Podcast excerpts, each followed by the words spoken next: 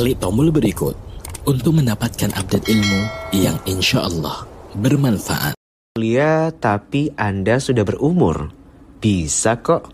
Kuliah aja di STDI Imam Syafi'i Jember. Tak terbatas usia loh. Yuk daftar. Mau kuliah tapi Anda sudah berumur. Bisa kok. Kuliah aja di STDI Imam Syafi'i Jember. Tak terbatas usia loh. Yuk daftar. Assalamualaikum warahmatullahi wabarakatuh. Alhamdulillah, alladhi bi ni'matihi tatimu salihat. Segala puji bagi Allah Azza wa Jalla. Yang karena nikmatnya kebaikan-kebaikan jadi sebab.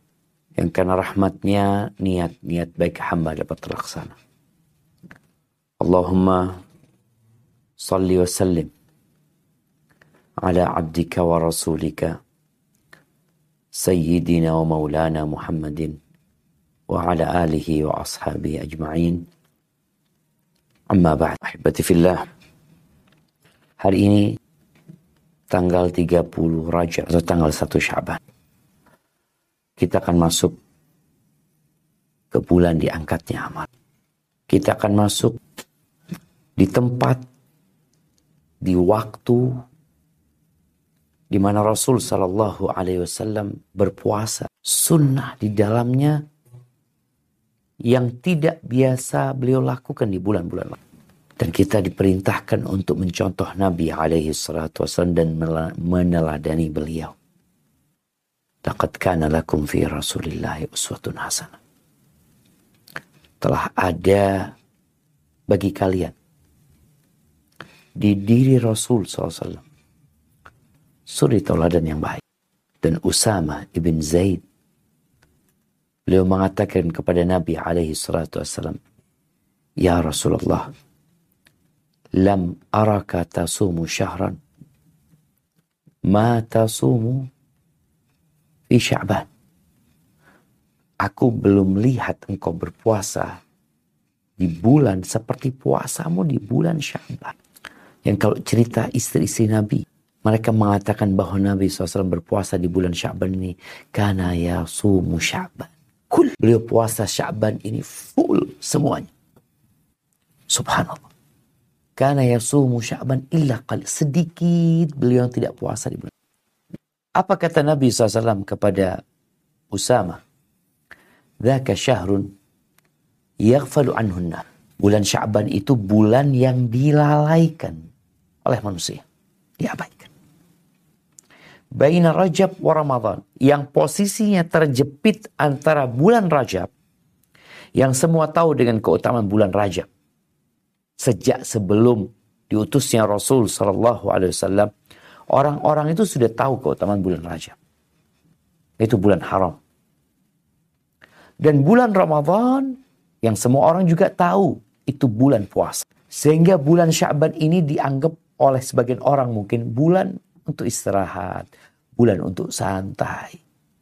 Padahal kata Nabi SAW, turfa'u fihil a'mal ila rabbil alamin. Diangkat amalan itu menuju kepada Allah. Tuhan semesta alam. Fa'uhibbu an yurfa'a amali wa ana. Aku ingin diangkat amalanku dalam kondisi aku berpuasa. Sekarang nggak ada kata terlambat untuk memperbaiki diri. Untuk berubah. Tahun lalu bagaimana kondisi kita di bulan Syaban. Apakah kita ingin memperbaiki? Tahun lalu, Anda nggak puasa sunnah. Keluarga juga nggak puasa sunnah. Anak-anak juga nggak puasa sunnah. Apakah tahun ini akan tetap seperti tahun lalu? Seorang mukmin senantiasa berusaha untuk menjadi lebih baik. Dan nggak ada kata terlambat. Selama hayat masih dikat. Karena tatkala sudah sampai ke tenggorokan itu ruh terlambat. Nggak ada gunanya. Ahibati fillah. Berapa kali engkau berusaha untuk memperbaiki diri menjadi lebih baik. Dalam pekerjaanmu yang sudah bekerja. Dalam studimu yang sedang belajar. Dalam hubungan sosialmu baik di dalam keluarga atau dalam bertetangga atau masyarakat secara umum. Dan yang terpenting dari itu, berapa kali engkau berusaha untuk memperbaiki hubunganmu sama Allah SWT. Mungkin dulu engkau berlumuran dosa. Atau sampai hari ini. Tapi engkau ingin menjadi lebih baik lagi. Manusia secara naluri itu selalu ingin menjadi lebih baik, lebih bahagia, lebih tinggi, lebih nyaman hidup. Itu secara naluri dan itu disebut ambisi. Kita punya ambisi untuk menjadi lebih baik. Tapi tinggal sekarang di sisi mana kita ingin menjadi lebih baik. Ada yang hanya berbicara tentang ekonomi. Dia kami masa anak kayak gini terus. Anak hanya jadi pegawai. Maka jadi pegawai pun kan ada tingkatan-tingkatannya, naik lagi, naik lagi. Karena orang memang kepingin menjadi lebih baik. Namun ada yang ambisi untuk berubah menjadi lebih baik itu ya hanya angan-angan aja, tidak terrealisasi. Ngomong, mimpi di siang bolong. Dan ada pula yang keinginan untuk berubah itu sudah ada sejak lama. Tapi sampai sekarang, sampai udah berubah, udah mulai lemah punggungnya. Dia nggak berubah karena dia menunda-nunda untuk berubah menjadi lebih baik. Ahibat fillah, ketahuilah berubah menjadi lebih baik itu perlu ada usaha. Perlu ada langkah yang ditempuh. Mungkin sebagian kita sering dengar tentang bagaimana menjadi lebih baik tips-tipsnya, kiat-kiatnya. Dan yang namanya seorang muslim, dia tahu bahwasanya kehidupan ini sejatinya ujian dari Allah Azza wa Jalla. Dia harus melewati ujian-ujian itu. Dan harapannya dia naik kelas menjadi lebih baik dan terus menjadi lebih baik. Dengan izin Allah Azza wa Jalla. Maka ada usaha, ada upaya, ada doa, dan ada ya sabar agar menjadi lebih baik. Baik. Kalau kita melihat orang yang ingin memperbaiki diri menjadi lebih baik itu, ada yang akhirnya dia tidak pernah menjadi lebih baik. Apa sebabnya? Karena dia terjebak dalam kumbangan menyalahkan orang lain. Dia jadi kayak gitu karena fulan, karena fulan. Afwan ada yang mungkin sibuk menyalahkan orang tuanya. Aku kayak gini karena memang orang tuaku tuh keras ya. Trauma dengan kondisi di rumah. Atau dia akan menyalahkan kawan-kawannya. Kawan-kawanku itu hasad sama anak ini, itu. Atau dia akan menyalahkan karena memang aku tinggal di kampung yang seperti ini. Aku uh, hidup dalam lingkungan yang seperti ini. Dia mulai menyalahkan lingkungan sehingga dia tidak merasa aku nggak bisa gitu loh, berubah jadi lebih baik. Kenapa? Karena masalahnya ada di orang lain. Masalahnya ada di diri kita. Bahkan ada yang menyalahkan masa dia sampai di masa lalu ya. Imam Syafi'i rahimahullahu taala mengatakan na'ibu zamanana wal aibu fina. Fama li zamanina aibun siwana wa nahju dzaz zamana bighairi dhanbin walau nataqa zaman lana hajana. Kita itu selalu menyalahkan zaman keadaan kondisi. Padahal dia nggak punya dosa kita salahkan kita maki kita hina tanpa dia berbuat dosa kepada kita aib yang sebenarnya itu adalah diri kita.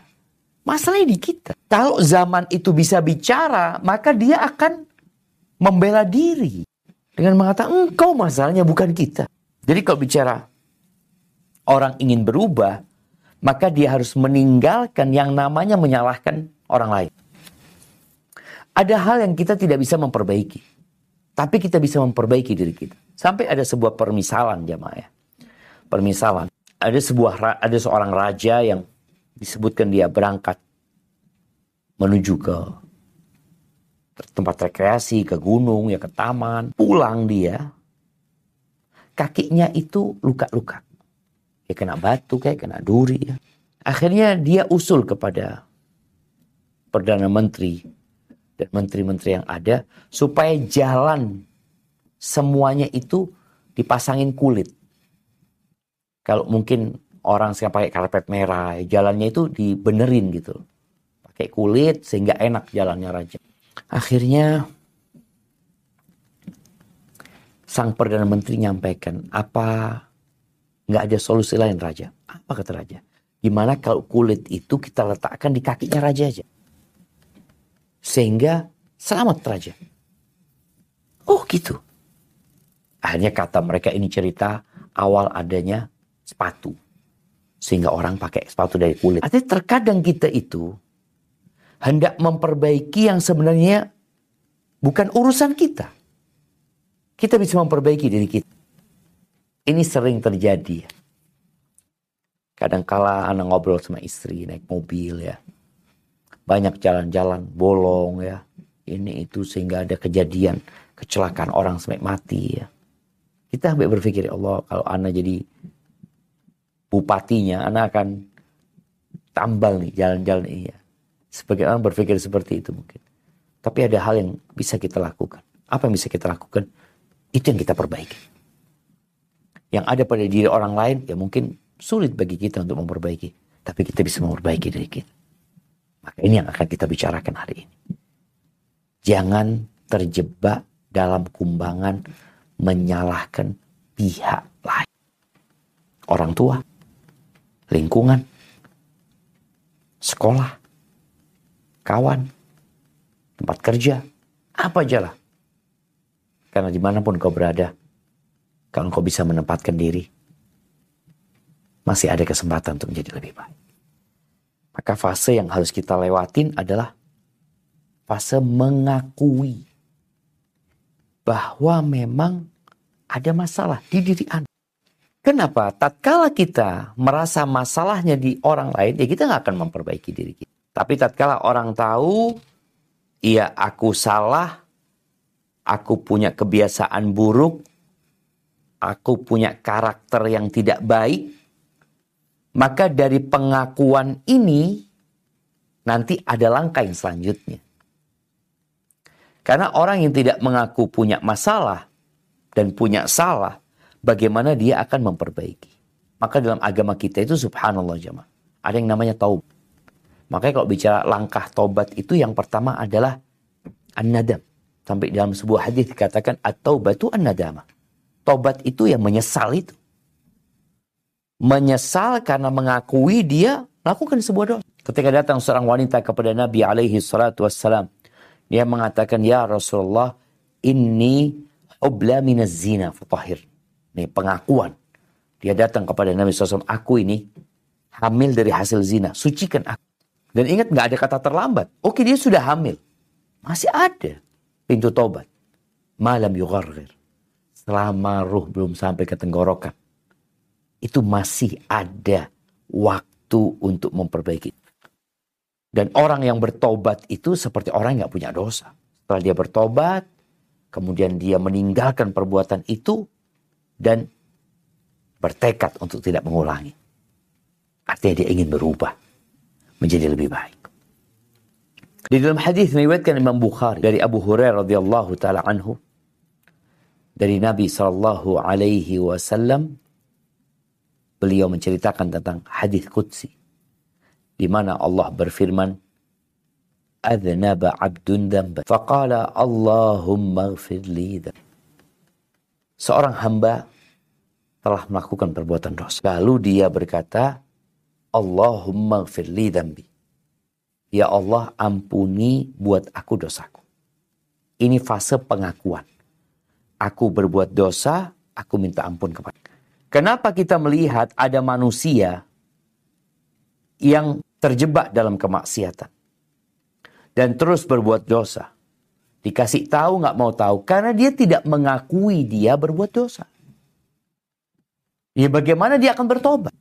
Maka perlu adanya pengakuan. Ini orang mengatakan kepada Allah, Allahumma gfirli dambi. Allah ampuni buat aku dosaku. Apa kata Allah Azza wa Jal? Adnaba abdi dhanban.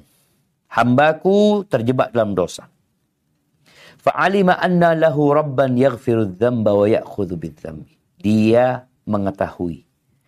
Dia meyakini bahwa dia memiliki Tuhan yang mengampuni dosa dan juga memberikan hukuman atas perbuatan dosa. Sudah. Ini pengakuan dia. Lalu orang ini kembali berbuat dosa. Thumma ada fa'adha. Faqala ay rabbi ghafirli Ketika dia terjebak dalam perbuatan dosa, langsung dia berdoa mengatakan, wahai Robku ampuni buat aku dosaku. Mengakui lagi dia. Berbuat dosa lagi. Dia tidak mencari pembenaran. Dia tidak me menipu, membohongi. Dia me mengakui dosa. Faqala tabaraka wa ta'ala abdi adnaba dhanban. Hambaku terjebak dalam dosa. Fa'alima anna lahu rabban yaghfiru dzamba wa ya'khudhu bidzambi. Dia tahu dia punya Tuhan yang mengampuni dosa dan memberikan hukuman atas perbuatan dosa. Thumma ada fa'athna. Dia kembali lagi berbuat dosa. Lalu kembali dia mengakui mengatakan ay rabbi firli dambi. Wahai Rabbku ampuni buat aku dosa-dosaku. Ini pengakuan dia yang ketiga. Lalu Allah mengatakan adni adnaba abdi damban. Telah berbuat dosa hambaku dan dia tahu dia punya Tuhan yang memberikan hukuman atas perbuatan dosa atau mengampuni dosa tersebut. Lalu Allah mengatakan il i'mal ma syi'ta faqad ghafartu laka. Rawahul Bukhari. Silahkan kau beramal semaumu, aku sudah ampuni dosa-dosa. Artinya tatkala dia berbuat dosa lalu dia bertobat kembali kepada Allah, Allah akan ampuni. Maka ini langkah awal untuk memperbaiki. Ngaku kalau punya salah. Ngaku kalau dia kasar sama istrinya. Ngaku kalau suka memaki. Ngaku kalau dia temperamen. Ngaku kalau dia itu males. Pengakuan ini menjadi motivasi buat dia. Aku akan memperbaiki gitu loh. Ini salah semua yang aku lakukan. Aku harus lebih baik. Ahibati Pengakuan itu sebuah kekuatan dan sebuah keberanian untuk menjadi lebih baik. Tapi setelah engkau mengaku, perlu persiapan. Ada yang dilakukan. Karena ketahuilah nggak ada kata terlambat. Nggak ada kata terlambat selama hayat masih dikandung badan. Makanya ini cerita Al-Imam Bukhari dalam kitabnya Al-Dabul Mufrad bahwa Abdullah bin Abbas radhiyallahu anhu kedatangan seorang laki-laki. Dia mengatakan kepada Allah bin Abbas, Inni khatabtu mura'atan fa'abat antakihani. Aku melamar seorang wanita. Tapi dia nggak mau menikahi aku. Lamaranku ditolak. Wa khatabaha ghairi fa'ahabat antakihahu. Lalu dia dilamar oleh laki-laki lain. Dia terima lamaran. Faghirtu alaiha faqataltuha. Aku cemburu kepada dia dan aku bunuh perempuan. Ini pengakuan. Terus, apa persiapan untuk berubah setelah pengakuan? Datang bertanya, bagaimana supaya aku berubah? Maka kita disuruh belajar agar kita bisa berubah jadi lebih baik. Maka dia mengatakan kepada Abdullah bin Abbas, "Fahalli min taubah." Ini pertanyaan. Apakah ada taubat buat aku? Apa kata Abdullah bin Abbas radhiyallahu anhu, "Ummuka hayyah?" Ibumu masih hidup. Masih hidup. Kalalah, ibuku udah mati. Karena ibu udah mati, maka Allah bin Abbas mengatakan tub ilallahi azza wa jal. Wa taqarrab ilaihi mastata'at. Bertobatlah engkau kepada Allah dan dekatkan dirimu kepada Allah dengan amal soleh yang mampu lakukan. Ini dosa besar dia. Membunuh. Taus kalau nggak salah perawi hadis ini bertanya kepada Abdullah bin Abbas. Lima sa'altahu an hayati ummi. Iya. Anda lupa yang bertanya ini dalam riwayat ini. Tapi yang jelas muridnya Abdullah bin Abbas. Kenapa engkau tanya tentang ibu? Kata Abdullah bin Abbas. Inni la la a'lamu amalan aqrab ila Allah azza wa jalla min birril walidah. Aku nggak tahu sebuah amalan yang lebih mendekatkan hamba kepada Allah daripada berbakti kepada ibu. Maka ditanya tentang ibunya hidup atau tidak. Jadi perlu adanya persiapan dengan cara bertanya, menuntut ilmu, datang ke ustadz. Serius lah kok kalau memang mau berubah. Cerita yang membunuh 99 orang. Itu cerita yang terus terulang ya. Karena memang untuk mengingatkan, nggak ada kata terlambat dalam berubah. Jadi lebih baik. Itu orang membunuh 99 orang. Dia ngaku. Maka dia tanya kepada masyarakat agar ditunjukin kepada orang yang alim. Ternyata dikasih tahu orang yang ahli ibadah. Tanyalah kepada orang yang ahli ibadah ini. Dia mengakui, aku nih sudah membunuh 99 orang. Hali min taubah apakah ada tobat buat aku? Ini orang ahli ibadah. Gak kebayang nih orang udah bunuh 99 orang mau tobat. Kata dia gak ada tobat buat engkau. Kalau gak ada tobat ya gimana mau berubah jadi lebih baik. Dia tambah buruk nih orang ahli ibadah dia bunuh. Jadi 100 orang yang dia bunuh. Lalu dia bertanya kepada masyarakat, kepada orang-orang tentang orang yang dapat memberikan solusi buat dia, maka ditunjukkan kepada orang yang alim. Di situlah terjadi dialog. Dia mengatakan, aku sudah membunuh 100 orang. Mungkin aku bertobat. Maka kata orang alim ini, apa yang menghalangimu dari dari berubah jadi lebih baik? Pintu tobat terbuka. Namun jadi masalah, engkau tinggal di kampung yang buruk. Ini. Pentingnya kita konsultasi, tanya sama ustadz, agar dia memberikan gambaran tentang apa yang terjadi sama anak. Ini orang bunuh lagi. Oke dia mengakuin bunuh lagi, bunuh. So, terus dia bunuh sampai 90 orang, 91 orang, 92 sampai 99 plus 100 akhirnya. yang dia bunuh. Berarti engkau tinggal di tempat yang. Orang yang baik itu, atau dia kalau tinggal di kampung yang baik paling tidak akan di tahan sama orang-orang di sana. Artinya dihalangin dari berbuat kemungkaran. Tapi ternyata enggak. Disuruhlah dia pindah. Ini persiapan. Bertanya, kemudian ya diamalkan. Fase yang selanjutnya setelah engkau tahu, engkau ngakuin, lalu engkau melangkah untuk memperbaiki dengan bertanya, dengan mencari tahu tentang apa yang harusnya engkau lakukan. Setelah itu amalkan. Maka itu orang yang bunuh 100 orang disuruh hijrah tinggalkan kampungmu, engkau pindah ke kampung fulan. Beribadah kepada Allah dengan orang-orang di sana. Nah, tidak mengatakan nanti, besok, lusa. Bayangin ya, orang itu kalau nunggu besok mati di tempat itu. Tapi dia dikasih tahu, dia langsung amalkan. Dan ini yang harus dilakukan seorang muslim. Ida asbahta falatan tadil masa. Kata Abdullah bin, bin Amr bin Umar ya. Kalau engkau sedang di pagi hari, jangan nunggu sore. Wa idza amsayta fala tantadhiri sabah. Kalau engkau sedang di sore hari, oh besok jangan. Ini orang tidak nunda aja. Memang dikatakan nggak ada kata terlambat. Dia berangkat langsung. Dikasih nasihat, engkau tinggalkan kampungmu, berangkat ke kampung pula. Berangkat. Di tengah jalan mati. Singkat cerita, orang itu dimasukkan ke surga Allah. Artinya, selama hayat masih kandung badan, kau segera ber, berubah untuk menjadi lebih baik. Kemudian setelah itu apa yang harus dilakukan? Setelah mengamalkan, ya berdoa mohon sama Allah Azza wa Jadi kalau engkau ingin jadi orang yang ahli ibadah, yang bertakwa, orang soleh yang memperbaiki, dan engkau sedang beramal dengan riba, engkau punya muamalat riba, tinggalkan riba. Kalau ternyata engkau mendolimin istrimu di rumah, tinggalkan hal itu. Mungkin engkau mendolimi pekerja-pekerjamu di tempat kerja, engkau tinggalkan hal itu. Kalau engkau ingin menjadi bapak, suami yang baik, ya udah. Bagaimana engkau mau menjadi bapak yang baik, sedang kau jarang kumpul sama anakmu. Kau jarang ngobrol sama mereka, menjadi suami yang soleh, sedang kau tidak menghargai dan menghormati istrimu. Jadi perlu adanya usaha.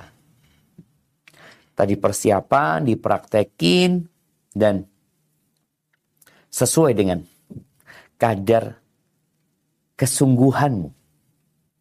Seperti itu pula yang engkau akan dapatkan dalam memperbaiki diri. Seperti orang mengasah pisau.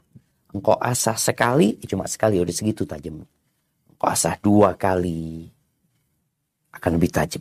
Tiga kali sesuai dengan usaha. Ahibati fillah. Allah berfirman. Di surah Al-Ankabut ayat 69. Apa kata Allah Azza wa Jalla? أعوذ بالله من الشيطان الرجيم والذي جاهدوا فينا لنهدينهم سبلنا وإن الله لمع المحسنين dan orang-orang yang berjihad untuk mencari keriduan kami, kami akan tunjukkan kepada mereka jalan-jalan kami. Dan sungguh, Allah beserta orang-orang yang berbuat baik. Itu syaratnya. Ada kesungguhan. Ada jihad yang maknanya badlul wus wal jihad. Di mana seorang berusaha untuk mengeluarkan energinya, memaksa dirinya. Allah akan tunjukkan jalan-jalan. Dan semua bisa dirubah. Orang yang gak sholat bisa sholat. Orang yang kafir bisa muslim. Orang yang jahat bisa jadi orang baik. Asalkan engkau benar-benar sungguh-sungguh. Dan Allah telah menyebutkan sebuah kaidah dan sunnatullah dalam hal ini. Di mana orang itu kalau ingin berubah menjadi lebih baik, ya dia yang harus berubah. Ada usaha dari dia. Bukan dari orang lain. Bukan dari orang tuanya. Tapi dari dirimu sendiri. Apa kata Allah Azza wa Jal di surat Ar-Ra'at ayat 11? Nah. Tafadhali. Surat Ar-Ra'at ayat 11. Lahu mu'aqibatun min Ayat 11. Ayat 11. Ya. Iya. Lahu mu'aqibatun من بين يديه ومن خلفه يحفظونه من أمر الله. إن الله لا يغير ما بقوم حتى يغيروا ما بأنفسهم. وإذا أراد الله بقوم سوءا فلا مرد له. وما لهم من دونه من وال Barak, baginya manusia ada malaikat-malaikat yang selalu menjaganya bergiliran dari depan dan belakangnya. Mereka menjaganya atas perintah Allah. Sesungguhnya Allah tidak akan mengubah keadaan suatu kaum sebelum mereka mengubah keadaan diri mereka sendiri. Dan apabila Allah menghendaki keburukan terhadap suatu kaum, maka tak ada yang dapat menolaknya. Dan dia tidak ada pelindung bagi mereka selain dia. Subhanallah jemaah. Allah menyebutkan Allah tidak akan merubah kondisi satu kaum. Baik ketika kaum itu berada dalam kenikmatan. Mereka dalam kenyamanan. Sampai mereka yang berubah. Akhirnya Allah rubah kenikmatan jadi azab. Begitu pula sebaliknya. Allah nggak akan merubah orang itu dari kemaksiatan menuju ketaatan sampai dia yang merubah dirinya. Ada usaha dari dia. Karena tatkala manusia ingin berubah tapi nggak ada usaha, ngaku salah aja enggak, dia tanya aja enggak. Ketika dia ngaku salah, dia bertanya, dia belajar, kemudian dia amalkan, Allah akan rubah. Allah itu tahu dengan apa yang ada di dalam hati kita. Maka kita perlu tunjukkan kalau kita benar-benar ingin berubah. Kemudian ahibati setelah kita berubah perlu adanya perawatan. Orang udah jadi baik perlu dirawat. Subhanallah kemarin ada yang cerita tentang urusan gigi. Ada orang yang giginya renggang-renggang. Atau ada masalah dengan giginya berlapis-lapis. Ada yang maju ke depan. Bagaimana cara supaya gigi itu jadi bagus? Dikawat. Dikawat ya. Berapa lama dikawat? Oh terus dikawat. Bisa jadi satu tahun. Nanti tiap dua pekan diseretin. Nih ada maintenance. Ini dalam rangka untuk berubah. Tentunya kalau sudah tua atau umurnya sudah tua dengan yang masih anak-anak. Mungkin ada perbedaan waktu dalam masa memperbaikinya. Tapi intinya ada fase di mana kita memperbaiki, kita sungguh-sungguh, kemudian butuh perawatan. Dirawat ya, Mak. Sudah dilepas kawatnya, udah selesai belum? Masih ada perawatan lagi. Bagaimana dengan jiwa manusia? Dengan hati manusia yang disebut al-qalbu qalb karena dia yataqallab. Dia bolak-balik jamaah. Sehingga kita perlu berjuang lebih lagi. Maka setelah berjuang itu perlu namanya ada penjagaan. Istiqomah. Jadi uh, sebagian orang mengatakan ya Allah istiqomah itu berat berat setia. Berat istiqomah itu. Iya. Istiqomah itu berat. Tapi istiqomah itu jalan untuk memperbaiki diri. Maka setelah engkau memperbaiki dirimu, kau praktekkan maka kau perlu istiqomah. Ada istilah merawat itu lebih susah daripada membeli umpamanya. Karena kita sudah beli tapi harus dirawat gitu. Kalau bicara bunga itu engkau beli bunga, oh bisa engkau beli bunga. Taruh ke rumah. Bunga itu bisa layu loh, bisa mati. Tapi bunga itu juga bisa segar. Bunga itu bisa banyak anaknya umpamanya. Apa kata Allah Azza wa Jalla di surat Fussilat ayat 30? Nah. نحن أولياؤكم في الحياة الدنيا وفي الآخرة ولكم فيها ما تشتهي أنفسكم ولكم فيها ما تدعون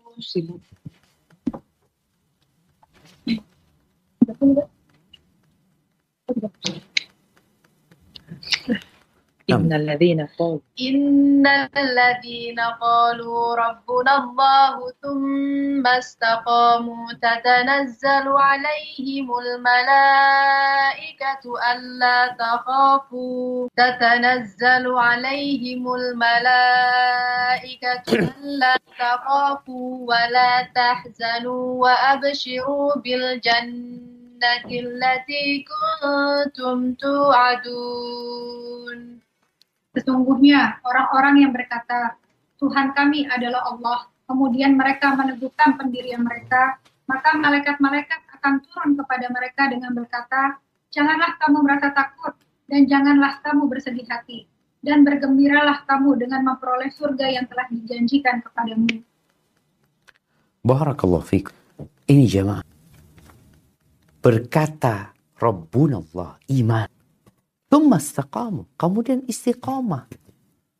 Bukan hanya ngomong doang kami beriman. Tapi dari prakteknya kita lihat sholatnya bolong-bolong. Mana istiqomah? Kadang kala sholat sehari, kadang kala sehari nggak sholat. Perlu adanya istiqomah. Kalau engkau ingin berubah. Karena sekali lagi, inna nafsa ammaratun bisu. Jiwa manusia itu benar-benar memerintahkan kepada keburukan. Itu jiwa kita. Tapi tatkala kita istiqomah, malaikat nih. Masya Allah. Bagaimana mereka akan menguatkan keimanan. Jadi dia mudah-mudahan mati husnul khatimah. Di hadis Aisyah radhiyallahu taala anha, Nabi alaihi salatu mengatakan saddidu wa qaribu. Kalian usahati usahakan menepati sasaran waqaribu dan mendekati. Kalau nggak tepat paling nggak mendekati. Wa'lamu annahu la yudkhila ahadakum amaluhul jannah. Ketahuilah amalan kalian nggak akan memasukkan ke surga. Wa anna ahabbal a'mal ila Allahi adwamuha wa in qalla.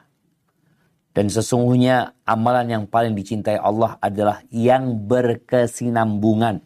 Yang istiqomah dikerjakan wa in qalla walaupun sedikit.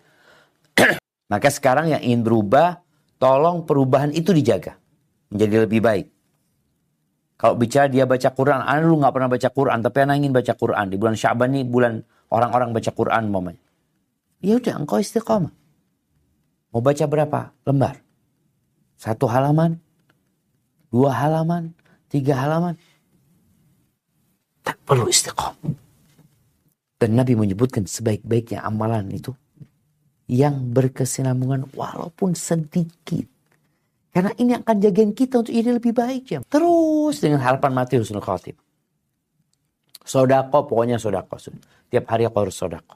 Berapa itu terserah 2000, 2000, 3000, 3000. Ada 5000, 5000. Tapi hal itu menjadi sesuatu yang diamalkan selalu. Makanya tatkala ada seorang sahabat yang meminta nasihat kepada Nabi Wasallam, nasihat yang tidak perlu ditanyakan kepada yang lainnya, maka kata Nabi SAW, Qul amantu billahi thumma istaqim. Katakan aku beriman kepada Allah, lalu istiqomah kau di atas amalan-amalan dan keyakinan-keyakinan iman. Ahibati fillah.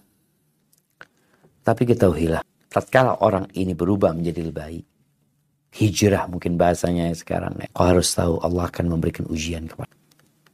Akan ada perubahan dalam kehidupan.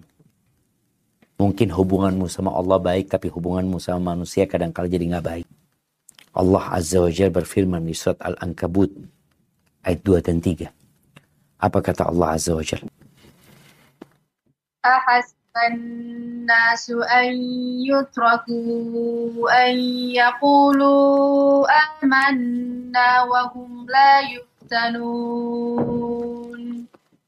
ولقد فتنا الذين من قبلهم فليعلمن الله الذين صدقوا وليعلمن الكاذبين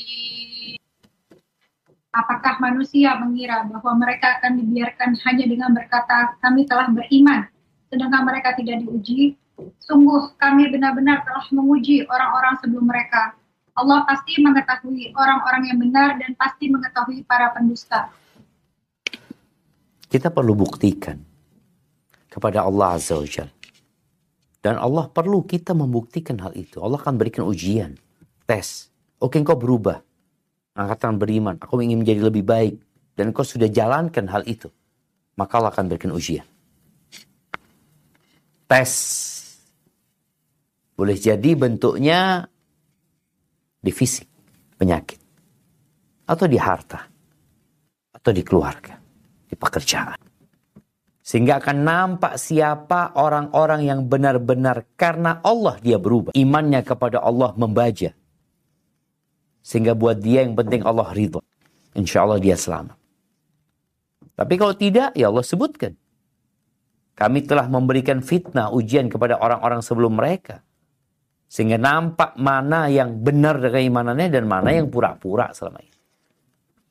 Dan yang terakhir jemaah. Bicara tidak ada kata terlambat untuk memperbaiki diri. Tapi ingat, jangan menunda-nunda untuk memperbaiki diri. Karena yang dikhawatirkan tatkala orang menunda-nunda untuk memperbaiki diri. Karena secara fitrah, kita sudah sebutkan di awal tadi, manusia semua ingin berubah.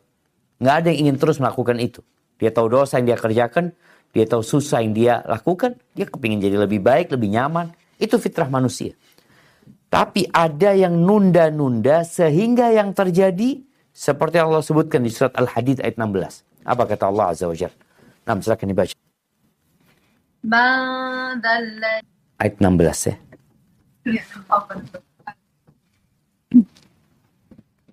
Alam ya'ni lilladzina amanu an تخشع قلوبهم لذكر الله. ألم يأن للذين آمنوا أن تخشع قلوبهم لذكر الله وما وما نزل من الحق وما نزل.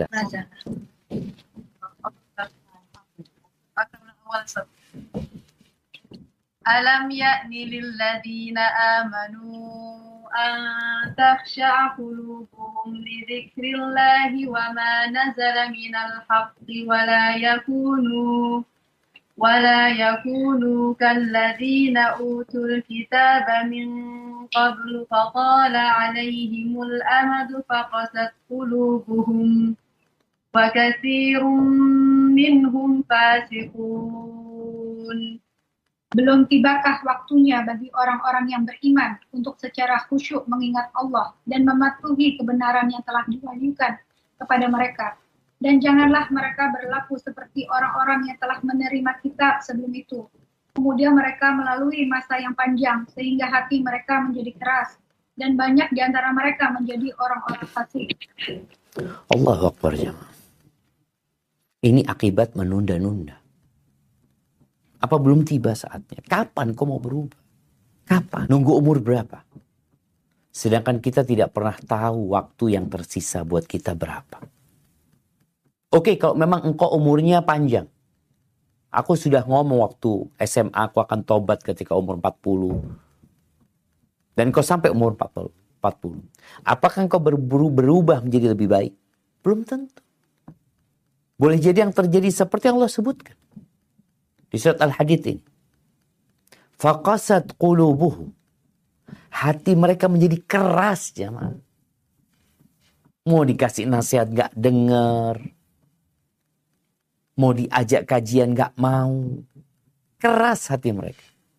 Dan kebanyakan mereka menjadi orang-orang fasik sudah. Jadi menunda-nunda ini termasuk bisikan iblis. Jadi kita katakan nggak ada kata terlambat betul. Kapan kau hendak bertobat waktu itu segera. Allah mengatakan fastabiqul khairat berlomba-lomba melomba dalam kebaikan. Wasari'u ila maghfirati min rabbikum. Bersegeralah menuju kepada ampunan dari Rabb kalian. Wa jannatin. Dan surga Allah yang luasnya seluas langit dan bumi. Disediakan buat orang-orang yang ber... Maka dalam proses kita memperbaiki diri. Jangan pernah lupa untuk berdoa. Memohon kepada Allah Azza wa Jalla Allahumma a'inni ala dzikrika wa syukrika wa husni ibadatik. Dan insya Allah engkau menjadi lebih baik. Barakallahu fikum. Mungkin itu yang bisa kita kaji pada kesempatan kali ini. Semoga ia memotivasi kita untuk menjadi lebih baik. Dan tidak menunda-nunda menjadi lebih baik. Anda kembalikan ke moderator. Jazakillah. Assalamualaikum warahmatullahi wabarakatuh Ustaz.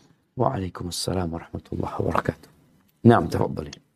Uh, ini ini pertanyaan dari Canberra, Ustadz. Pertanyaannya, um, bagaimanakah cara menghilangkan rasa bersalah karena merasa belum maksimal dalam mendidik anak? Kita selalu berusaha memberikan yang terbaik dengan memberikan hak-hak mereka dalam hal dunia juga pendidikan agama. Namun kita tetap masih merasa kurang kita takut itu akan mempengaruhi masa depan mereka. Takut mereka tidak bisa mandiri dan tersesat di masa depan. Mohon uh, pencerahannya Ustaz jazakallahu khairan. Masya Allah, barakallahu fiqh. Nah, yang pertama bagi para orang tua. Allah Azza wa Jalla mengatakan, Ya ayyuhalladzina amanu qu anfusakum wa ahlikum nara. Wahai orang-orang beriman, jagalah diri kalian dan keluarga kalian dari api neraka. Kita diperintahkan untuk itu. Nabi SAW mengatakan, Kullukum ra'in wa kullukum mas'ulun an ra'iyati. Setiap kalian adalah pemimpin dan setiap kalian akan dimintain pertanggungjawaban atas apa yang diapi. Berkaitan dengan orang tua, bagaimana menghilangkan perasaan bersalah? Itu pertanyaan. Yang pertama, masa depan anak-anak kita. Bagaimana kondisi ekonomi mereka? Bagaimana kondisi iman mereka? Bagaimana kondisi sosial mereka? Tidak sedikit anak-anak yang berada di penjara. Maka dilihat orang tua kalau memang itu bentuk, itu gara-gara orang tua yang tidak bertanggung jawab, yang kau hendaklah memperbaiki diri. Dan mungkin saja itu terjadi. Dan dalam hal ini, kalau bicara tadi sudah maksimal, ya sudah selesai. Tapi nanti pada hari kiamat akan ditampakkan apakah kita sudah maksimal atau kita pura-pura maksimal. Allah mengatakan fattaqullaha mastata'tum bertakwalah kepada Allah sesuai dengan kemampuan kalian. Barakallahu fikum. Nah. Assalamualaikum Ustaz, pertanyaan dari Perth. Waalaikumsalam warahmatullahi wabarakatuh. Nah, tafadhali. Uh, Assalamualaikum warahmatullahi wabarakatuh Ustaz. Pertanyaannya mungkin agak sedikit uh, menyimpang dari topik ya Ustaz. Bolehkah kita membadalkan uh, keluarga yang masih hidup dengan alasan beliau ini sakit Gimana gimana? Membadalkan untuk umroh. Badal umroh. Keluarga yang masih hidup Ustaz. Iya, dengan alasan? Beliau sakit. Iya. Barakallahu fiqh. Ya, berkaitan dengan ibadah umroh dan haji ini, nggak ada kata terlambat. Walaupun banyak yang menunda-nunda ibadah sampai akhirnya sakit, tak mampu akan dihisap dia. Kenapa dulu ketika dia sehat nggak berangkat? Kenapa tatkala dia kaya dia nggak berangkat? Dia berangkat ke tempat yang jauh, dia mengeluarkan biaya yang cukup banyak, tapi berangkat ke rumah Allah nggak juga. Boleh jadi ada banyak sebabnya. Sekarang bagaimana membadalkan dia? Bicara badal umroh atau badal haji, ini permasalahan yang memang ada khilaf di antara para ulama. Ada yang berpendapat bahwasanya kita boleh membadalkan kalau memang kondisi orang itu yang kepingin umroh. Cuma nggak sempat umroh mati umpamanya. Atau dikatakan tadi orang itu punya biaya mau berangkat umroh. Tapi fisiknya nggak mampu, sakit. Diberangkatkan. Nggak ada masalah. Tapi ingat, buat orang-orang yang sehat segera berangkat. Sebelum kau sakit. Jadi masalah memang ada khilaf di antara para ulama. Cuma pendapat yang lebih kuat insya Allah. Diperbolehkan kita membadalkan orang yang sakit tapi secara finansial dia mampu sebenarnya gitu loh. Karena kita tahu ibadah umroh dan haji ini bagi yang mampu. Yang tidak mampu nggak usah kita repot-repot menghajikan dan mengumrahkan dia. Karena memang dia nggak wajib gitu. Seperti itu. Wallahu alam bisawab.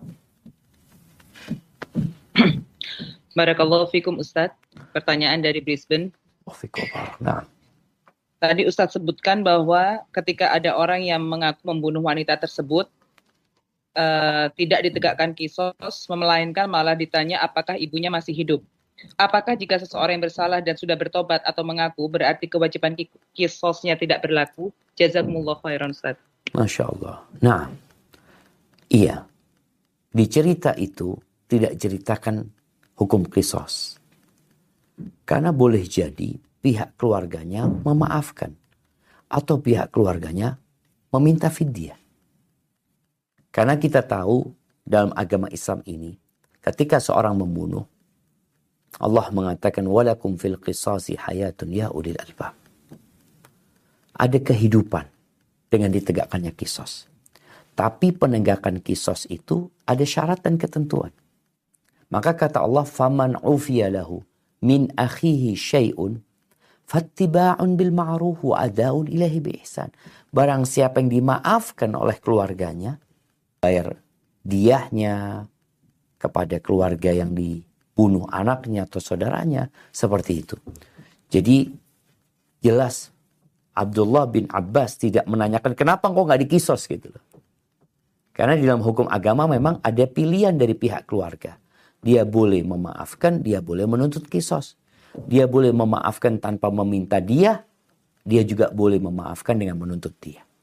Seperti itu. Wallahu a'lam bishawab. Nah, Sydney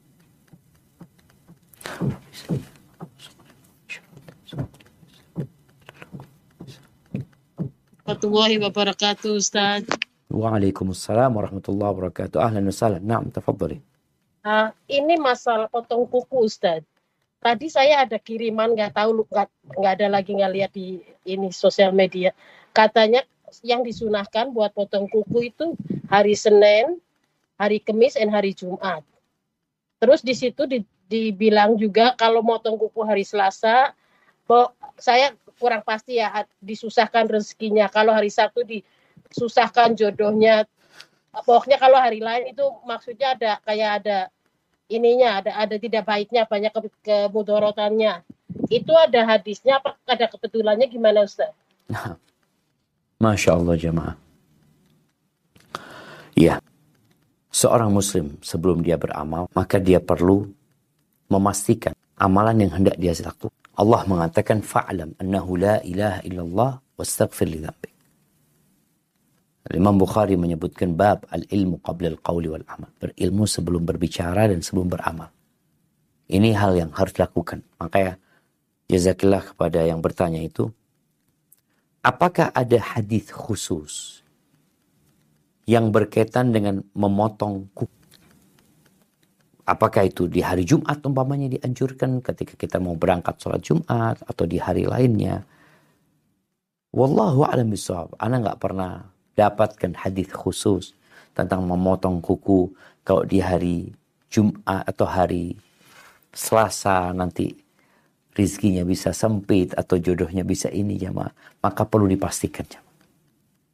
Boleh jadi itu hadis-hadis palsu yang disebarkan sama orang dan biasanya hadis-hadis palsu ini jamaah memiliki sesuatu yang aneh. Maka anak nggak tahu mungkin nanti anak akan cari, tapi yang jelas tidak ada hari khusus untuk memotong kuku. Yang jelas memotong kuku itu ketika dibutuhkan. Dia lihat sudah panjang kukunya, hari ini hari Senin atau hari ini hari Selasa dilihat kukunya panjang, ya udah dia potong. Nggak perlu nunggu besok, nggak nunggu hari Rebu umpamanya, seperti itu. Jadi mungkin nanti perlu dipastikan, uh, mungkin dikirimkan ke anak-anak juga kepingin tahu ya, dari mana mereka mendapatkan hal itu. Dan sekali lagi jamaah, jangan terburu-buru untuk menyebarkan sesuatu yang menurut kita baik, padahal belum tentu benar. Kita tahan dulu, kita tanyakan dulu. Sepanjang yang Anda tahu, nggak ada hari khusus untuk memotong kuku. Hada wallahu alam bisawab. Walaupun ada sebagian ulama mungkin yang dalam kitab mereka, mereka menganjurkan di hari Jumat ya. Itu ada anjuran. Tapi kalau hadisnya secara khusus, belum ada. Yang Anda ketahui ya. Wallahu alam. Nah. Ustadz, maaf sebelumnya. Ya. Kalau malam itu dibolehkan atau enggak ya Ustadz memotong kuku? Jazakallah khair. Nggak ada masalah mau di malam hari, mau di sore hari, mau di waktu subuh. Tidak ada waktu khusus. Hanya saja jemaah, ada sebuah khurafat, bukan khurafat ya. Yang kita tahu lah, waktu kita kecil, nggak boleh beli jarum di malam hari. Nggak boleh potong kuku di malam hari.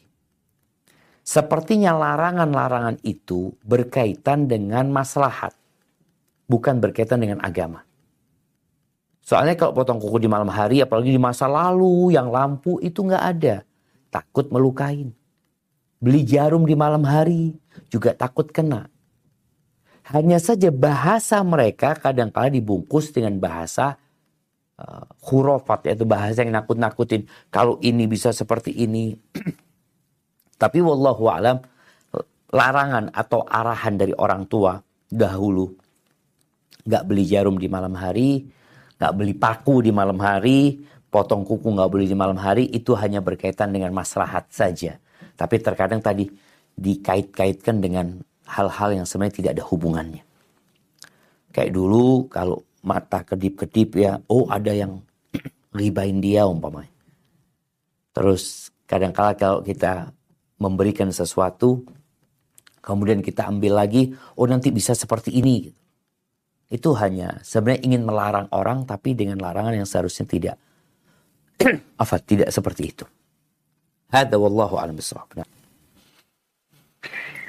Assalamualaikum Ustaz. Waalaikumsalam warahmatullahi wabarakatuh. Uh, mau tanya, uh, eh, enggak sih bukan mau tanya, mau minta nasihat uh, untuk uh, menuju umur 40 tahun insya Allah.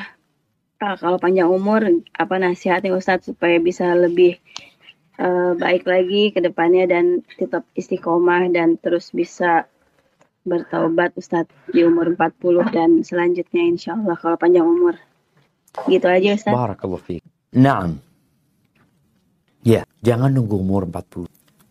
Karena banyak orang yang nggak sampai umur 40 tahun. Sudah meninggal. Adapun bagi yang menuju ke umur itu, maka waktunya dia introspeksi diri. Sehingga tatkala dia berumur 40 tahun, dia sudah matang. Allah Azza wa Jalla menyebutkan ya di surat Al-Ahqaf ayat 15 ya. Ini berkaitan dengan umur 40 tahunnya. Allah mengatakan wasainal insana biwalidayhi ihsan. Dan kami wasiatkan, kami perintahkan kepada manusia untuk berbuat baik kepada orang tuanya. Jadi yang sudah umur nih, tolong ingat dengan pesan Allah ini. Allah ingatkan. Hamalathu ummuhu kurhan wa kurhan ibunya mengandung dia dalam kondisi sulit ya, berat. Hamil itu berat. Maka ingat dengan perjuangan orang tua. Engkau yang sudah umur 40 tahun, mungkin engkau juga seorang ibu, engkau juga punya anak, engkau punya suami, engkau punya kesibukan yang terkadang membuatmu lupa dengan orang tua. Maka yang mau masuk umur 40 tahun, tolong kembali dia mengingat. Dan dia mengakui kekurangan dia berbakti kepada orang tua. Wa hamluhu wa fisaluhu thalathuna syahr. Allah ingatkan bagaimana hamil dan menyusuinya selama 30 bulan. Hatta idha balagha asyuddahu. Wa balagha arba'ina sana. Allah sebutkan sampai tatkala dia ini mencapai puncak dari umur masa mudanya. Masuk ke umur 40 tahun. Asyuddahu ada yang mengatakan umur 33 tahun. Ada yang mengatakan itu sebenarnya puncak dari umur masa muda 40 tahun. Apa yang dilakukan orang ini? Maka hafalkan doa ini. Dan hayati. Dia mengatakan Rabbi auzi'ni. An ashkura ni'mataka allati an'amta alayya. Wahai Rabbku, bantulah aku. Tolonglah aku. Untuk apa? Untuk bersyukur. Atas nikmat yang kau berikan kepada aku. Engkau lihatlah. Yang mau umur 40 tahun ya. Banyak nikmat yang Allah berikan. Dan, dan banyak yang belum kita syukuri. Kita sering mengeluh. Kita merasa lebih susah daripada orang lain. Padahal ada yang lebih susah daripada diri. Maka tolong berdoa mohon sama Allah. Dibantu untuk mensyukuri nikmat yang Allah berikan kepada diri. Kau perlu bermuhasabah. Bermuazan. Untuk ya untuk menjadi lebih baik.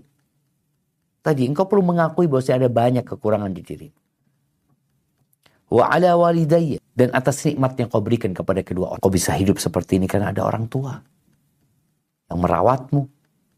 Kalaupun ada yang mungkin dibuang sama orang tuanya. Tapi dia mengandung. Kemudian wa an a'mala salihan. Doa lagi minta supaya dibantu untuk bisa beramal soleh. Karena umur 40 tahun ini di persimpangan jalan. Benar-benar orang kalau nggak berubah di umur 40 tahun ini susah dia akan berubah nantinya. Makanya wa an a'mala wa aslih li fi.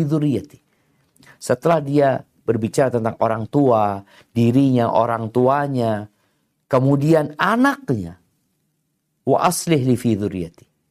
Kebanyakan kita bicara anak sebelum orang tua. Tapi Allah mengingatkan agar kita mendoakan orang tua sebelum doakan. Wa aslih li fi dzurriyyati.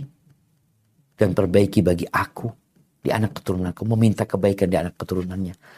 Inni tubtu ilaik. Wa inni minal muslimin. Aku bertobat kepadamu. Dan aku termasuk orang-orang yang berserah diri. Berarti umur ini menjadi umur di mana manusia diperintahkan untuk berubah menjadi lebih baik. Dia seharusnya bertobat, memohon kepada Allah, memperbanyak istighfar. Kalau dulu istighfarnya hanya selesai sholat, sekarang ditambah lagi waktu-waktu untuk memohon ampun kepada Allah Azza wa Jalla. Itu bagi yang mau masuk umur 40 tahun. Dan nggak ada yang tahu. Apakah kita akan melewati 40 tahun? Apakah kita, ya malam ini, besok, lusa. Anak tadi subuh jam 5, 30 menit apa ngeliat ada gempa susulan di Turki. Allahu Akbar. Sudah berapa ribu yang mati. Orang tidak menginginkan itu. Tapi kalau datang waktunya, engkau tidak bisa berbuat apa. Barakallahu fikna. Baik, Kuala Lumpur. Kuala Lumpur. Halo, belum ada suara ya? Assalamualaikum Ustaz. Waalaikumsalam warahmatullahi wabarakatuh. Dari Perth. Nah, tafadhal. Ya. Eh, eh, apa ya? Bagaimana kalau kita sudah terlanjur pernah berkata jelek, supaya kita nggak terkena hal jelek itu di kemudian hari, Ustaz. Karena ada hadis eh, perkataan dari Ibnu Jauzi rahimahullah, termasuk orang yang harus diwaspadai adalah orang yang bijak terkena hukuman sesuai perbuatan yang diucapkannya. Ibnu Sirin pernah berkata, saya pernah merendahkan seseorang dengan berkata, hai bangkrut. Maka saya pun mengalami kebangkrutan setelah 40 tahun dari sejak peristiwa itu. Bagaimana Ustaz? Jazakallah khairan. Nah, subhanallah ya. Kita sering dengar dari orang tua kita dulu hati-hati kalau ngomong bisa jadi doa. Itu kadang kala mereka ngomong. Dan ada sebuah asar mungkin yang dhaif sebenarnya bahwasanya bala itu tergantung omongan. Tapi itu dhaif. Ibnu Uthaymin rahimahullah ta'ala, Syekh Ibn Uthaymin pernah menyebutkan, Ihdar lisanaka an taqula fatubtala. Innal bala'a muwakkalun bil mantiq. Hati-hati lisanmu kalau ngomong. Nanti engkau dikasih bala sesuai dengan apa yang kau. Dan itu mungkin terjadi. Karena Allah memberikan balasan sesuai dengan amalan. Itu sunnatullah yang seperti itu. Allah memberikan balasan sesuai dengan amalan dia. Terus apa solusinya kalau kita pernah ngomong buruk? Maka solusinya minta maaf. Fal yastahillu minhu al Hari ini engkau minta maaf kata Nabi, minta dihalal. Cari orang itu. Nggak ketemu orang itu. Doakan orang itu. Minta ampun sama Allah. Cabut ucapan. Kalau orang itu ada, mau tidak mau urusannya kita minta maaf. Kalau orang itu nggak ada, ya sudah engkau doakan orang itu dan engkau cabut. Dengan bertobat kepada Allah Azza wa Jalla. Pernah ada seorang jamaah yang dizolimin sama anak. Kemudian orang tua ini angkat tangan minta sama Allah agar anaknya dibalas. Dan anaknya itu berantakan hidupnya. Ya orang tua kesian gitu. Melihat anaknya hidupnya berantakan. Ini dia angkat tangan lagi minta sama Allah SWT. Berdoa. Dengan mencabut doa agar anaknya dihukum itu. Maka insya Allah tetap ada solusi. Bagi orang yang pernah ngomong, ini ini butuh tadi, butuh keberanian untuk mengakui kesalahan. Ketika engkau sudah ngaku itu salah yang kau ucapkan dan tidak baik, engkau cari orang itu engkau minta maaf. Dengan harapan, iya, orang itu memaafkan dan kau selamat dari hukuman dari Allah SWT. Ada wallahu a'lam. Barakallahu fiq, Ustadz ini dari Brisbane. Siap. Saya mau bertanya, eh, anak saya sudah menikah dengan imam. Hah?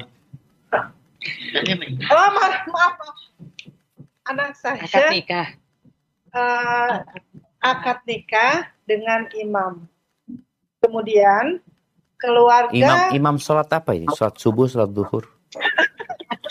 Bukan maksudnya itu nikah eh, nikah eh, ya dengan syekh gitu Ustaz, tidak tertulis. Oh, bentar. Dinikahkan oleh imam Bukan nikah sama kayak- imamnya dia bukan. Bukan, bukan. Nikah- ya di sini begitu Ustaz. Ya. Oke, dia sama penghulu lah gitu. Penghulunya itu Ya penghulu penghulu ya Ustaz ya Oke, penghulu siap. ya. Di sini kan nggak ada begitu baik. Maaf, siap. Eh, kemudian eh, orang tua perempuan bukan menuntut sih ingin ingin tahu penget- eh, pengetahuan ingin tahu eh, adab pernikahan Islam apakah boleh dilakukan eh, eh, dua kali nikah Barakallahu fikum. Iya. Maksudnya dua kali nikah itu gimana? Kawin lagi dia? Iya dinikahin lagi. Dinik- dinikahin lagi tapi di depan eh, eh, keluarga eh, mempelai wanita. Jadi akad nikahnya dua kali. Ya. Yang tadi Karena di depan imam, yang ini di Iya. depan keluarga. Ya, karena keluarga eh, mempelai wanita ingin mengetahui eh, adat istiadat pernikahan Islam. Siap. Barakallahu fiik. Nah, ahibati fillah. Pernikahan dalam Islam adalah sebuah ikatan yang sangat sakral. ya. Yang sangat besar tanggung jawabnya. Allah mengatakan wa akhadna minkum mitsaqan ghalidha. Dan wanita-wanita itu telah mengambil dari kalian sebuah perjanjian yang dahsyat sekali. Nggak main-main. Walaupun secara pelaksanaannya itu sederhana sekali. Bagaimana dikatakan sederhana? Ya, yang dibutuhkan wali yang akan menikahkan. Kedua saksi, kedua orang saksi. Maka di sini perlu ada dua saksi. Saksi itu bisa dari keluarga laki-laki, bisa jadi keluarga perempuan, atau dari orang umum. Tapi ada yang menyaksikan akad nikah itu. Makanya kalau tadi dikatakan kan ingin disaksikan oleh keluarga. Ya sudah, mereka seharusnya jadi saksi ketika pernikahan itu terjadi.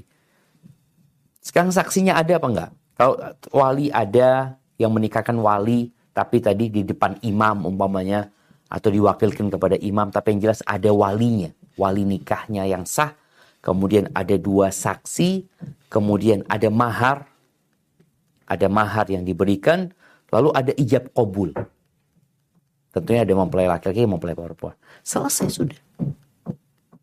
Kalau kemudian tadi ada pengulangan akad nikah, maka perlu dilihat kenapa diulangi.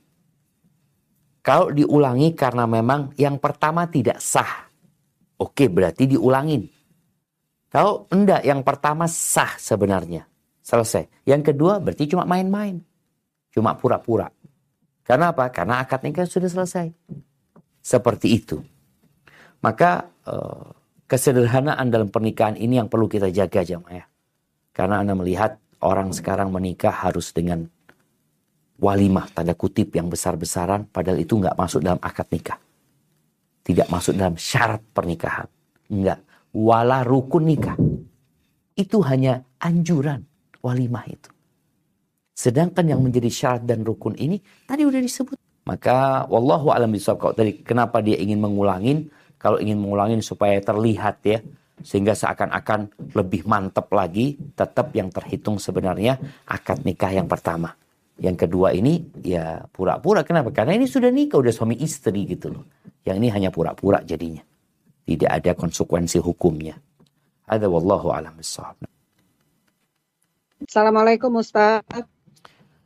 Waalaikumsalam warahmatullahi wabarakatuh. Nah. Putaran kedua dari Sydney Ustaz. Siap. Saya pernah mendengar ada uh, pembicaraan seperti ini Ustaz. Kalau orang kan dilihat dari umur 40 berubah atau enggaknya dia punya sifat ataupun kayak ibadahnya ya Ustaz. Nah. Apakah itu uh, apa sih bisa kita memperbaiki diri Ustadz sebelum kita meninggal? Seumpama kita sudah berumur uh, 60 tahun Ustadz. Jazakallah khairan. Masya Allah, barakallah fiik. Ya, hebati fillah, tema kita hari ini tidak ada kata terlambat. Walaupun sudah umur 60 tahun. Nggak ada kata terlambat. Hanya saja merubah sesuatu yang sudah tua itu lebih berat. Makanya kalau kita lihat kebanyakan pengikut para nabi itu anak-anak muda. Nabi SAW ketika berumur 40 tahun, sahabat-sahabatnya itu yang baru masuk Islam tuh hampir semuanya di bawah umur 40 tahun. Sedangkan yang sudah tua, itu mereka baru masuk Islam. Ada yang masuk Islam umur 60 tahun, ada. Berubah menjadi lebih baik, ada.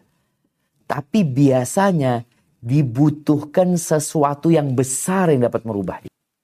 Contohnya, kasih penyakit yang menyebabkan dia akhirnya sadar. Karena memang dia udah berubah, udah sulit berubah. Contohnya kadang-kadang ada orang merokok ya. Ya, para perokok dari sejak kecil dia merokok ya umur 40 tahun dia nggak berubah. Eh tahu-tahu umur 50 dia berhenti. Dia nggak ngerokok sama sekali. Dapat hidayah nih orang ini. Iya. Dengan sakit. Dia berubah. Tapi sekali lagi nggak ada kata terlambat. Memang umur 40 tahun itu menjadi umur yang ya orang itu di persimpangan jalan.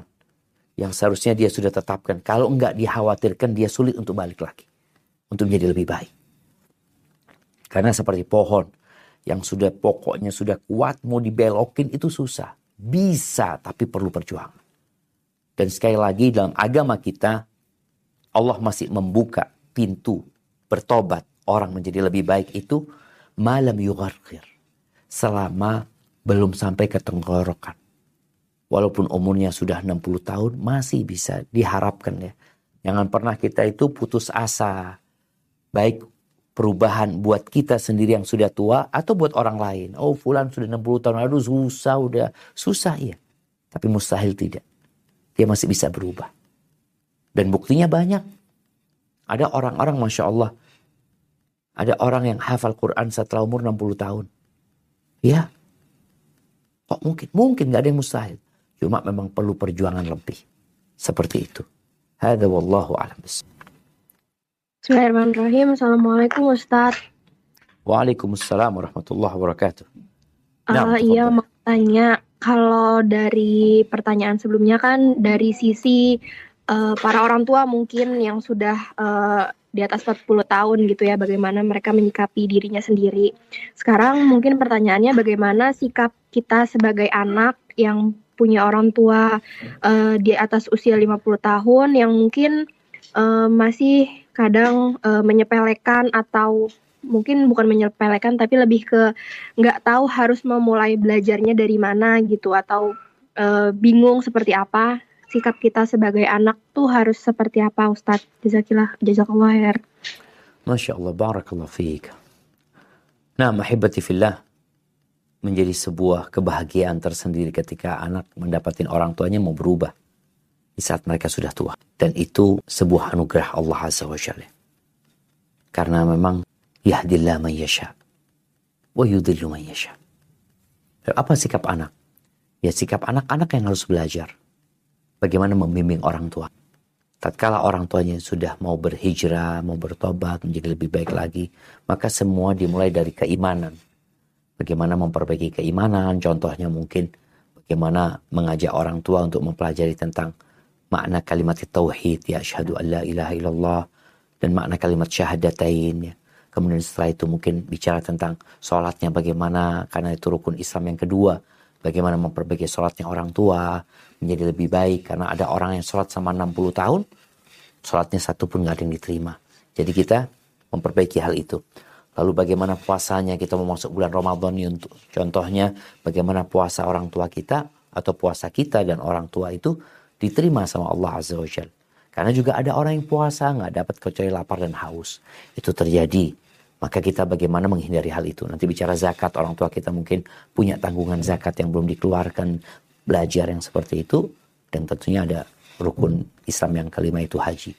Jadi bertahap, kemudian mungkin juga yang mungkin ringan untuk dipelajari sama orang tua, tafsir.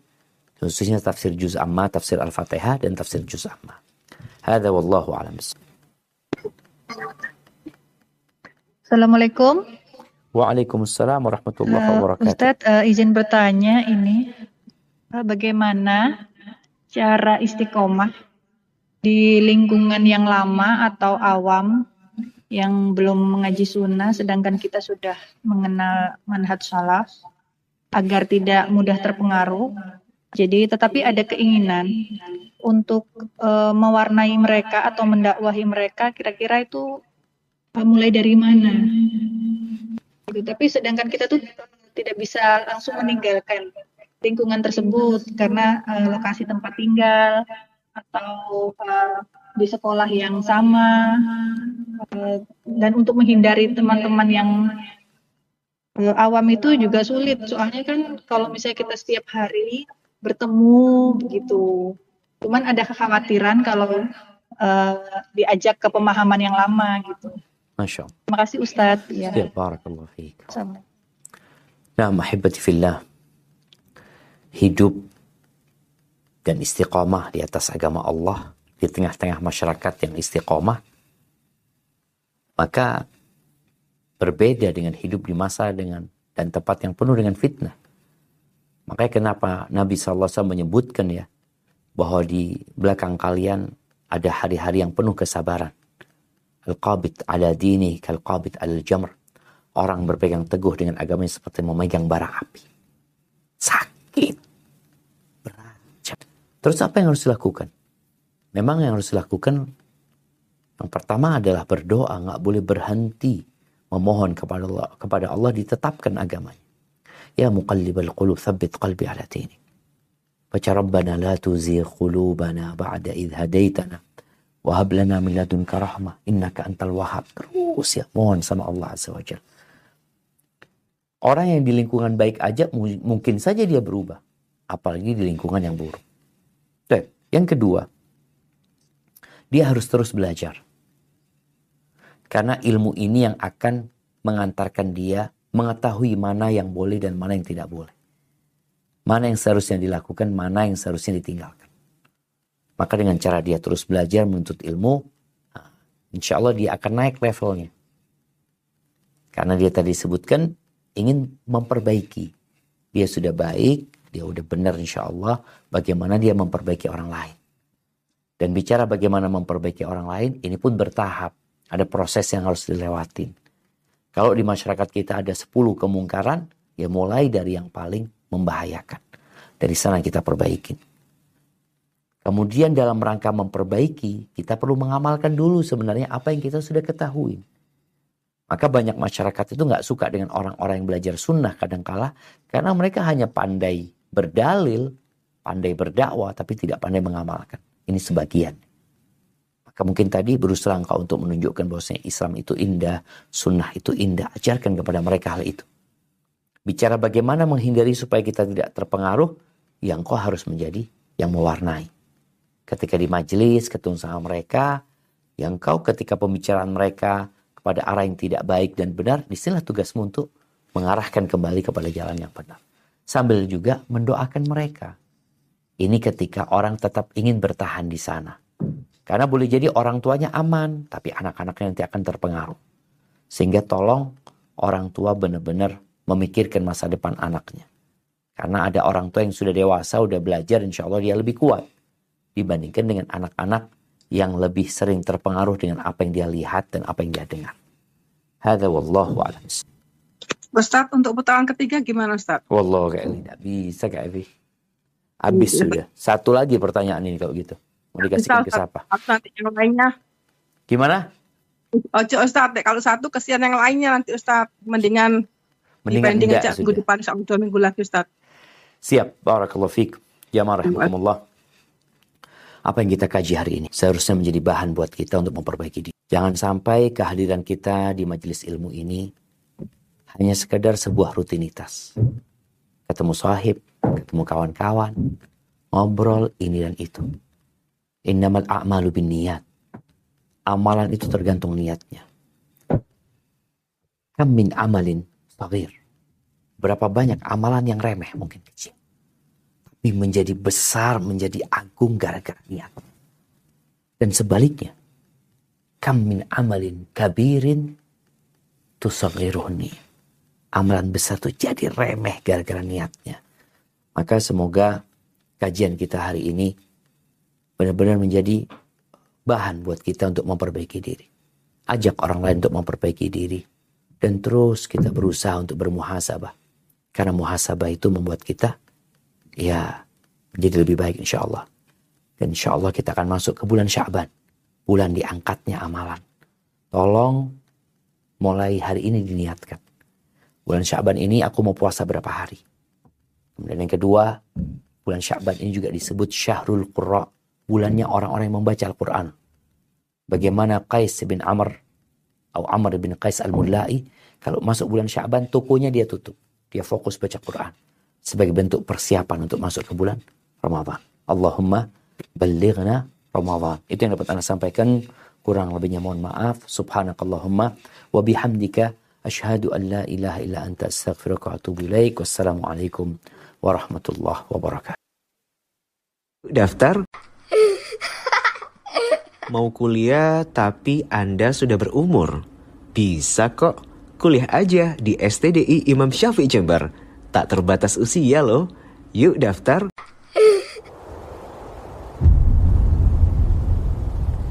Klik tombol berikut untuk mendapatkan update ilmu yang insya Allah bermanfaat.